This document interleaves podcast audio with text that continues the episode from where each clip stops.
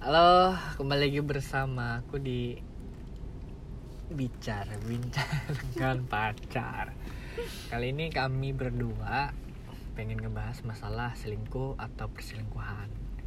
Di mana atau kenapa seseorang itu bisa mengambil jalan untuk mendua. Nah, kita kan bakal ngebahas dari sudut pandang seorang perempuan dan laki-laki. Kenapa sih seseorang itu bisa selingkuh atau mendua? Dari kamu dulu deh.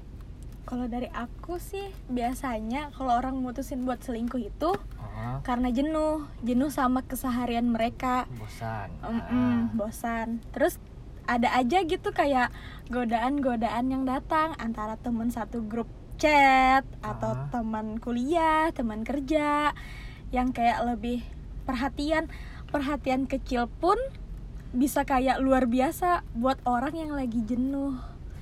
Itu sih yang bisa ngepacu, wah kayaknya orang ini baik banget deh daripada daripada pacar aku.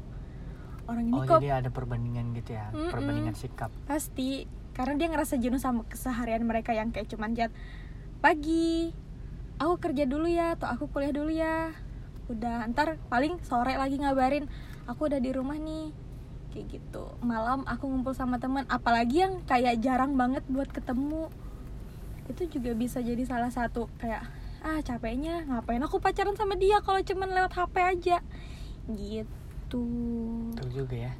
hmm. Ah, terus menurut kamu nih yang eh, orang yang selingkuh itu yang salah itu siapa sih? gak ada yang salah Nggak ada yang salah. Jadi orang yang selingkuh itu nggak salah.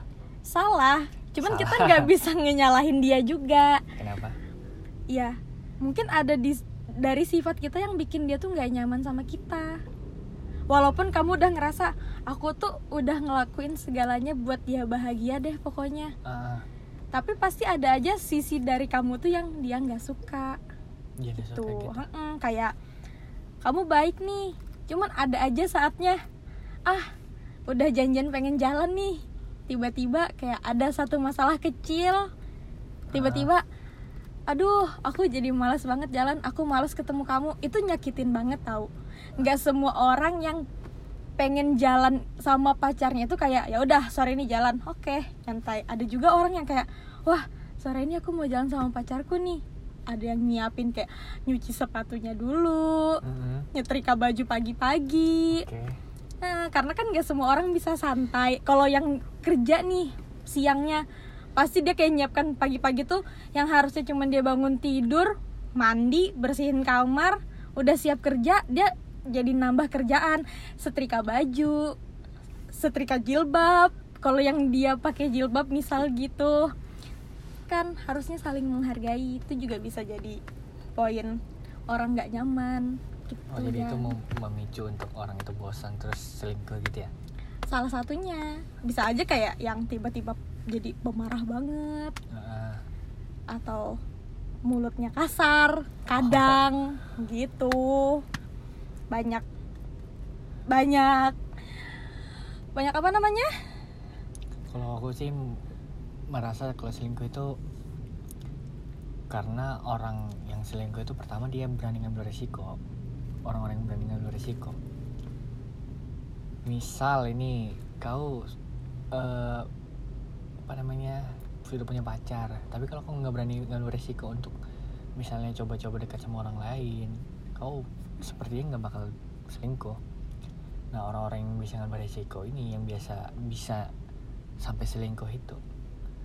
Nah seperti kamu bilang betul karena orang-orang itu nggak nggak bisa langsung disalahin pasti ada aja di antara di antara keduanya itu punya kekurangan yang membuat jarak di antara keduanya. Misalnya aku selingkuh karena aku merasa bosan sama dia. Karena sifatnya itu kayak gitu. Sifatnya itu eh, cuek tidak tidak tidak membuat bahagia. Pokoknya tidak memuaskan secara batin lah. Kayaknya kayak gitu sih. Jadi kamu setuju kah tentang perselingkuhan? Enggak lah tetap. Enggak enggak setuju. Enggak sama berarti. Iya itu kan nggak baik. Jadi kalau misalnya memang mau eh, sudah bosan sama seseorang lebih baik di akhirin. diakhirin kan? Enggak juga. Oh jadi gimana dong? Aku Heeh. pernah ngerasa kayak kok pacarku gini banget ya? Kamu gitu. Heeh.